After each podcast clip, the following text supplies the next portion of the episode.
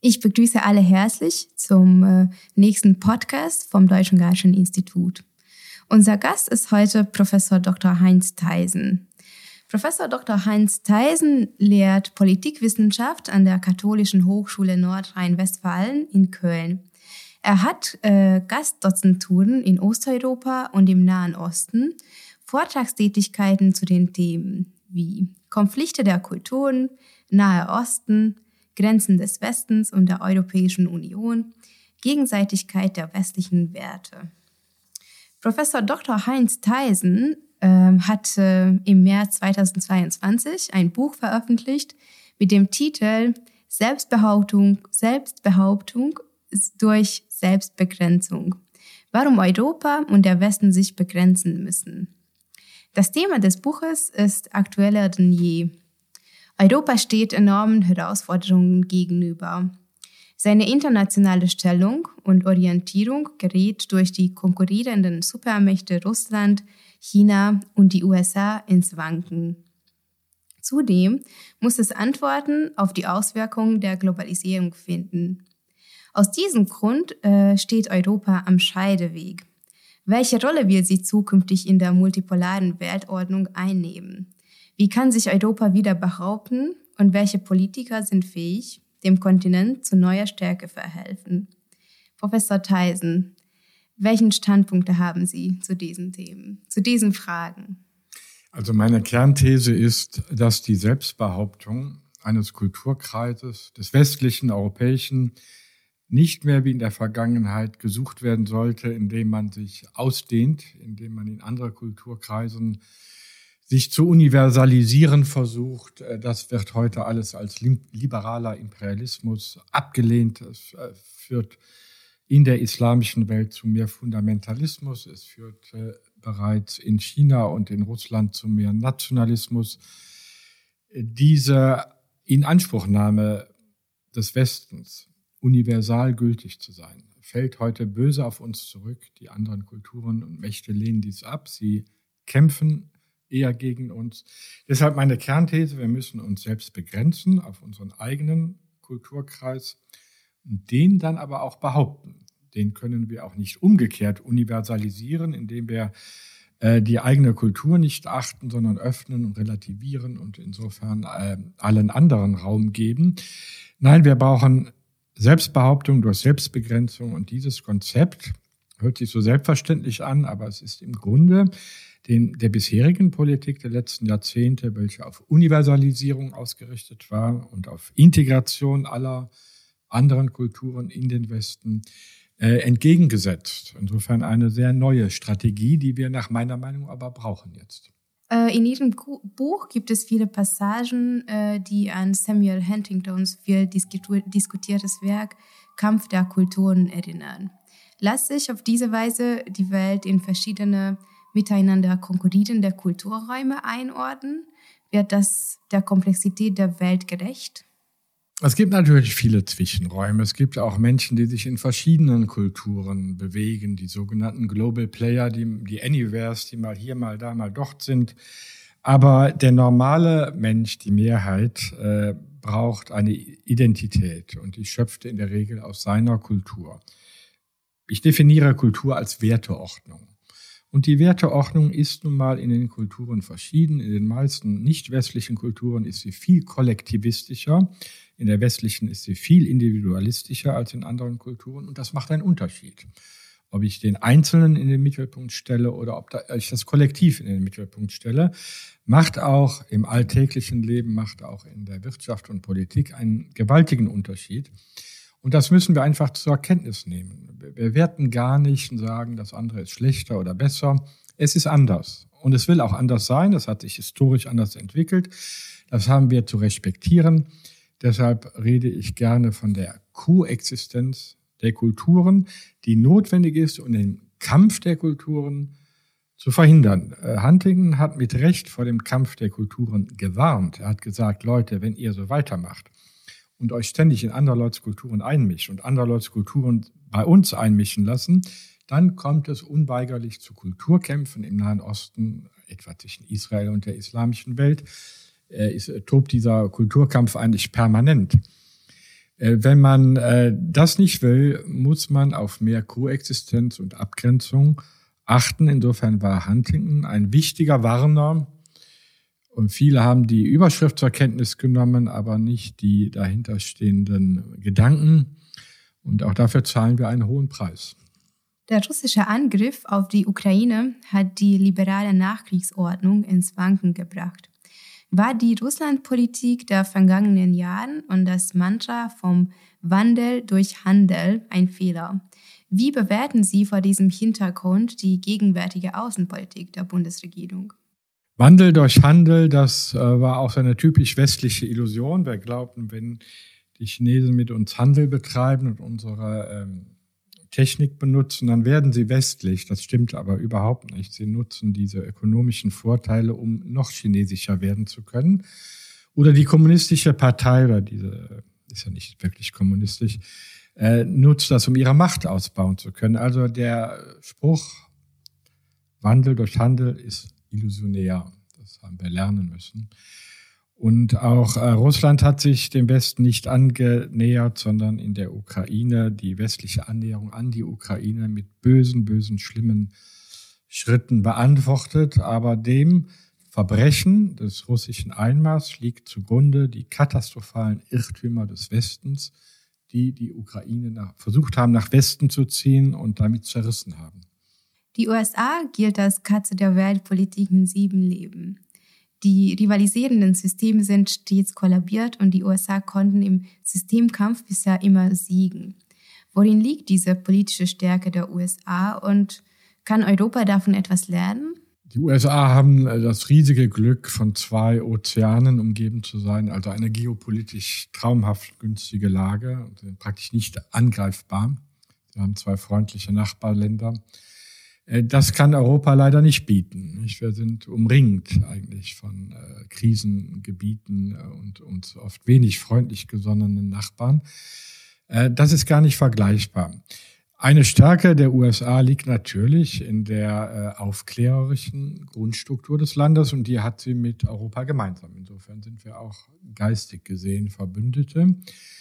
Die Aufklärung, die bewusste ähm, Selbstdenkerschaft der Menschen ist wiederum eine wesentliche Grundlage für wissenschaftliche Erfolge. Diese sind Grundlage technischer Erfolge. Insofern ist USA und Europa sind gemeinsam westliche Kultur. Und auf diesen Gebieten lernen wir auch voneinander, gibt es regen Austausch und Gemeinsamkeiten. Aber die geopolitische Lage ist so unterschiedlich, dass wir in letzter Konsequenz auch unterschiedliche Formen der Verteidigung brauchen. Europa braucht eine viel defensivere. Sie kann sich solche weltpolitischen Abenteuer, die im Übrigen ja auch meistens gescheitert sind, der USA in den letzten Jahrzehnten, nicht erlauben. Wir können uns so viele Fehler nicht erlauben und äh, uns weiter behaupten. Wir müssen, denke ich, äh, verteidigungspolitisch viel defensiver aufgestellt sein und dafür brauchen wir eine eigene europäische Verteidigung und nicht nur im Schlepptau der Amerikaner, die in aller Welt herumgeistern und uns damit hineinziehen. Der Kampf der USA gegen den Aufstieg Chinas scheint zum zentralen Thema der internationalen Beziehungen des 21. Jahrhunderts zu werden. Wird China den Vereinigten Staaten den Rang ablaufen und der nächste Weltpolizist sein? Das sind große Fragen nach der Zukunft. Äh, wahrscheinlich hat China auch seinen Höhepunkt jetzt überschritten. Sie haben auch schwerste Fehler gemacht in der Bevölkerungspolitik. Sie haben viel zu wenig junge Menschen. Das wird die Dynamik enorm bremsen. Die Regierung schottet das Land immer mehr ab. Auch das wird die Dynamik bremsen. Also ich glaube, dass die Bäume Chinas auch nicht in den Himmel wachsen. Aber die USA hat äh, auch große, große Probleme. Äh, sehen Sie sich die soziale Situation in diesem reichen Land an, wo ein erheblicher Teil der Bevölkerung in den Städten, ja, in Zelten wohnen muss. Das ist äh, absolut schockierend. Also alle äh, Großmächte haben auch große Probleme. Und ähm, ich sage immer gerne, die durchschnittliche Staatsdauer auf der Welt beträgt 24 Jahre. Staaten sind sterblich, auch Großmächte sind sterblich. Sie müssen aufpassen, sie müssen sich selbst behaupten, das Richtige tun. Äh, dazu gehört auch mehr Selbstbegrenzung. Das gilt für beide. Sonst können sie auch so enden wie viele andere Großmächte zuvor, und zwar beide. Ja, es, es, muss nicht sein, dass einer von beiden der Sieger ist. Es könnte auch sein, dass beide Verlierer sein werden. Äh, sie werden ähm, einige schwere Fehler beider dieser Großmächte korrigieren müssen. Ansonsten, wenn sie so weitermachen, fahren da zwei ähm, Züge aufeinander zu. Sie, sie grenzen sich nicht voneinander ab. Sie konkurrieren fast überall. Äh, das könnte äh, zu, denken Sie an Taiwan, zu kriegerischen Verwicklungen führen. Also die Zukunft ist natürlich völlig offen, aber das ist wichtig zu sagen, sie ist offen. Das heißt, es hängt auch von unseren Entscheidungen ab, auch äh, der amerikanischen Politik, wie sie sein wird. Die ist nicht vorherbestimmt. Es hängt von unseren Entscheidungen ab. Infolge der Zuwendung der USA Richtung Pazifik fürchten viele, dass im Nahen Osten ein Vakuum entstehen wird und wieder neue Kriege drohen. Sie sprechen in Ihrem Buch auch wiederholt von der Gefahr des Islamismus. Muss Europa seine Sicht auf die islamische Welt überdenken? Ja, auch da waren wir doch oft sehr naiv. Wir glaubten, Leute sind halt ein bisschen anders und äh, wir werden da interkulturelle Mittelwege finden.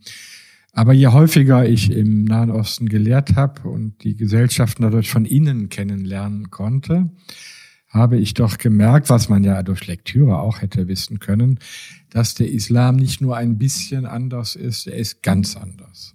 Und er will auch ganz anders sein.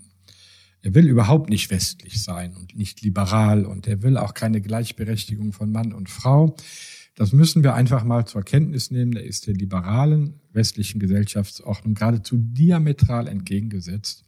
Und es gibt, ist auch kein Zufall, dass es in den 52 muslimischen Ländern der Welt im Grunde keine funktionierende Demokratie gibt.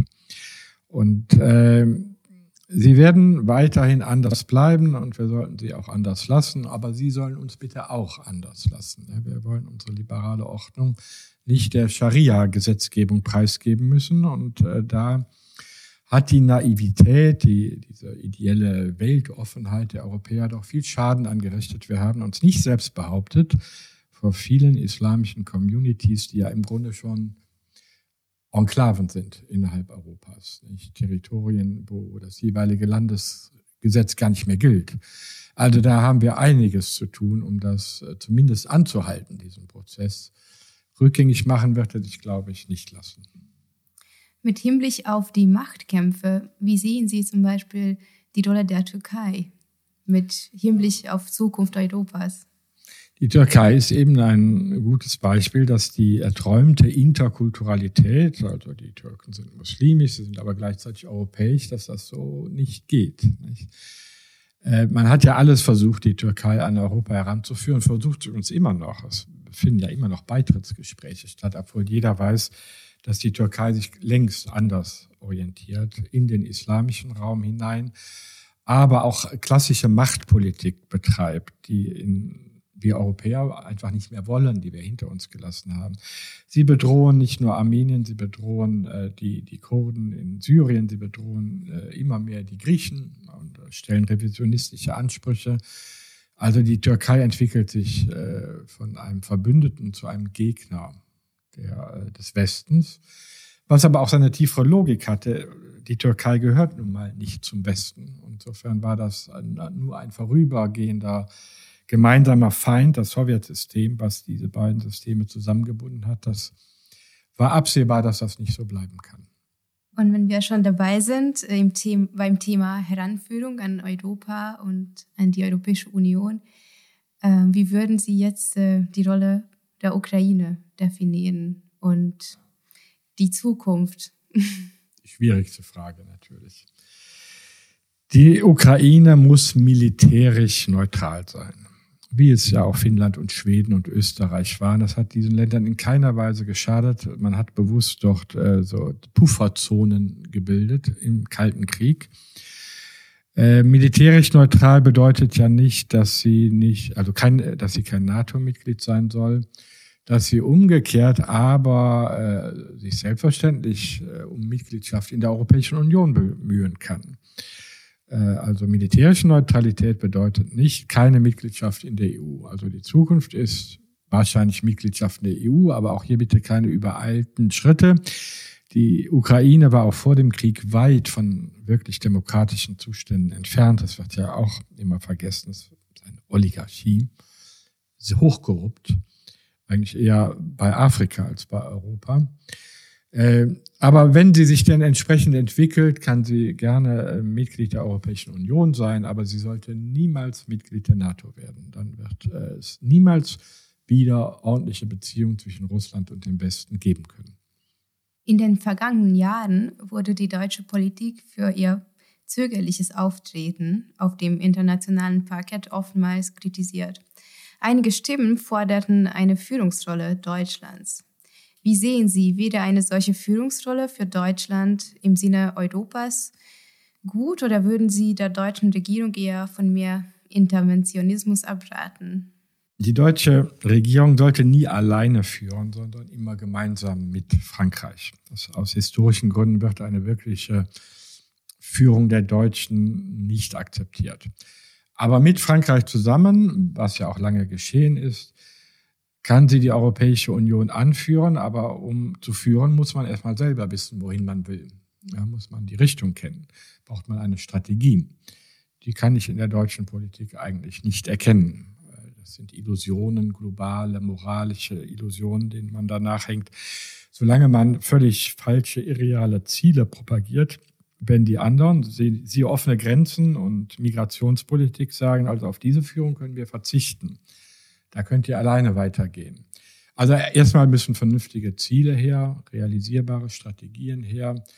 Dann muss man dafür werben und kann gemeinsam mit Frankreich, vielleicht auch Polen und anderen Ländern die notwendige Führung, natürlich muss ein Gebilde von 27 Ländern auch geführt werden, äh, leisten. Aber davon sind wir sehr, sehr weit entfernt. Eigentlich ist geistig und politisch Deutschland im Moment eher das Schlusslicht, denn das Führungs, die Führungsnation.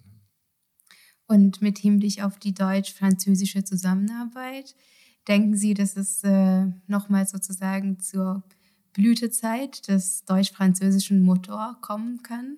Ja, wenn man sich auf eine gemeinsame Strategie einigt. Und Macron hat sie, wie ich meine, sehr gut ausformuliert. Ein Europa, das schützt. Hat darauf nie eine Antwort aus äh, Deutschland erhalten. Das heißt, man wollte diese Strategie nicht gehen, sondern lieber weltoffene globale Politik betreiben.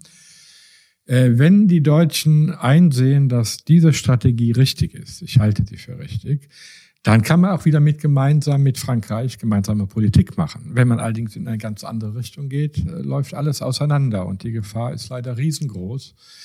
Äh, wir bräuchten in Deutschland wieder eine äh, Regierung, die in Realitäten denkt und nicht in Träumen und Wünschen.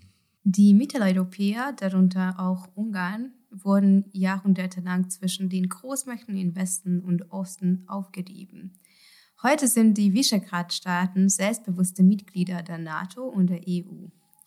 Welche Rolle könnten die ostmitteleuropäischen Staaten und allen voran Ungarn bei der Selbstbehauptung des Westens spielen, wenn überhaupt? Da gibt es natürlich auch große Unterschiede. Sie wissen, dass Polen eine sehr äh, aggressive antirussische Politik betreibt. Da gefällt mir die ungarische Politik die ja doch langfristig den Ausgleich im Sinn hat, viel, viel besser.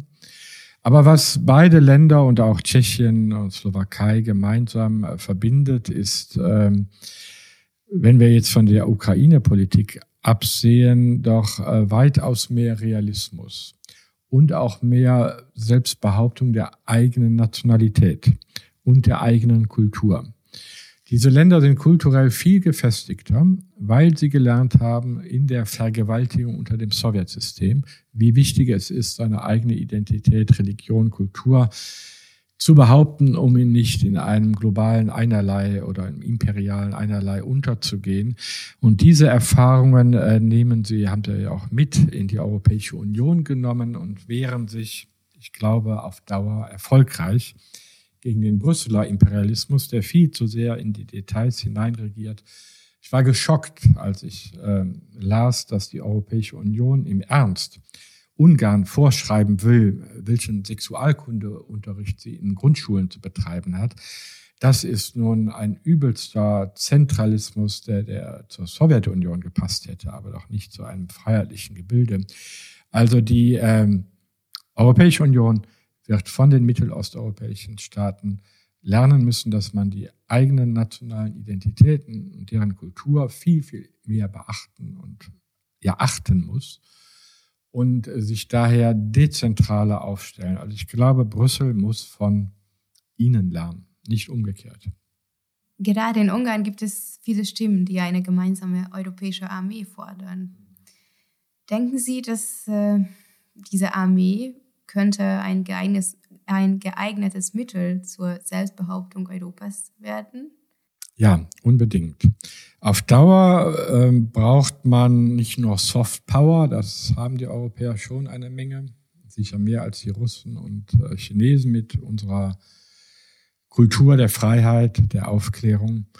Äh, man muss natürlich auch die materiellen Voraussetzungen zum Schutz des eigenen betreiben. Das haben wir einfach den Amerikanern überlassen. Damit waren wir aber auch den Amerikanern ausgeliefert in ihren weltpolitischen Abenteuern. Da mussten wir dann auch mitmachen.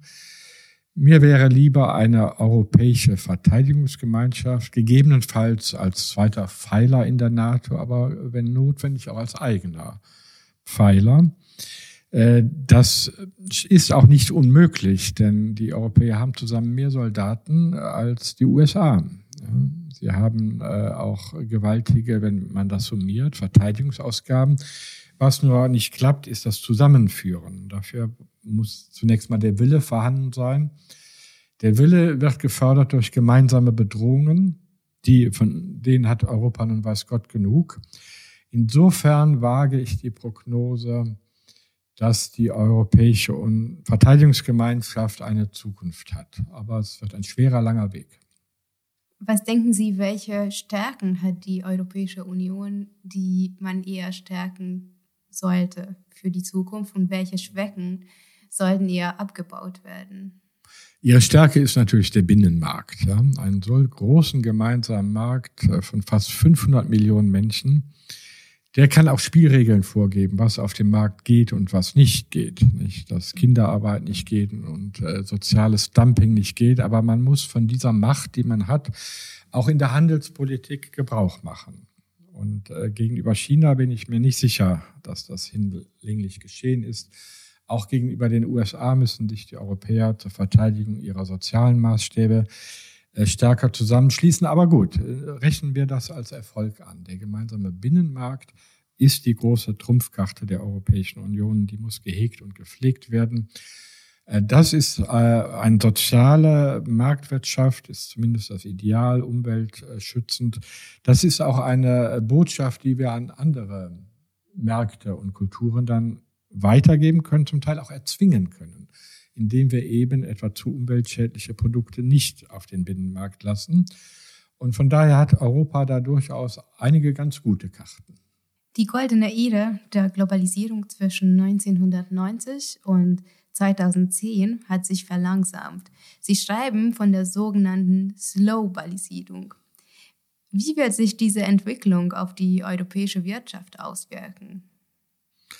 Ja, die Globalisierung hat sich enorm verlangsamt. Äh, es wird weiter weltweiten Handel geben, aber nicht mehr in dieser Offenheit und äh, Furiosität wie in den vergangenen Jahrzehnten, weil man auch gemerkt hat, die Chinesen picken sich die Rosinen daraus und ähm, lassen andere wiederum nicht äh, zu gegenseitigen Bedingungen auf ihre Märkte. Also die Globalisierung wird sich deutlich verlangsamen, sie wird weniger sein, aber es wird sie weitergeben. Und das wird natürlich auch das Wirtschaftswachstum begrenzen. Aber das ist ja aus ökologischen Gründen auf Dauer auch klar, dass wir nicht auf alle Zeiten äh, diese Wachstumsraten haben können, wie wir sie bisher hatten. Durch die ähm, energieschonenderen äh, neuen Technologien äh, kann man auch einiges auffangen. Aber wir müssen uns in Zukunft wieder mehr um Umverteilung kümmern und nicht nur um einfach Wachstum in die Höhe. In Ihrem Buch äh, nehmen Sie immer wieder Bezug darauf, dass der christliche Glaube als Ursprung des Abendlandes an Bedeutung verliert. Kann sich der Westen überhaupt noch auf der Grundlage seiner christlichen Prägung definieren? Ja, das wird langsam knapp. Äh, das Christentum äh, hat enorm an Einfluss verloren, auch aus vielen eigenen schuldhaften äh, Verhaltensweisen. Aber ähm, gleichwohl dürfen wir nie vergessen, was Europa seit 2000 Jahren verbindet, ist eben das Christentum. Das kann man nicht mal eben ablegen wie ein Hut. Äh, auch wenn man gar nicht gläubig sein will, ähm, man muss schon zur Kenntnis nehmen, dass die Weisheit des Christentums, so habe ich mein entsprechendes Kapitel bewusst genannt, gar nicht der Glaube, die Dogmen, aber die Weisheit des Christentums von fortdauernder äh, Bedeutung ist. Nehmen Sie die Soziallehre des Christentums, äh, die Solidarität, Personalität, Subsidiarität fordern. Was Besseres hat für die Sozialpolitik keiner gefunden auf der Welt. Also wir können nach wie vor Hilfe zur Selbsthilfe ist auch so ein Schlagwort. Von der Weisheit, die sich über 2000 Jahre natürlich in den Köpfen äh, der äh, Menschen gebildet hat, die können wir nicht einfach ablegen. Davon können wir viel lernen, vieles übernehmen. Insofern glaube ich, wird das Christentum auch in weltlichen Bezügen ähm, äh, weiter bestehen. Die, der Kern der Gläubigen wird eine, oder ist es jetzt schon eine Minderheit sein, aber Minderheiten sind oft auch brauchbarer, agiler, aktiver als apathische Mehrheiten. Insofern hat ja auch der äh, damalige Papst Benedikt äh, darin eine Chance für das Christentum gesehen, dass es schrumpft. Professor Theisen, vielen Dank für Ihre Antworten. Ich danke auch.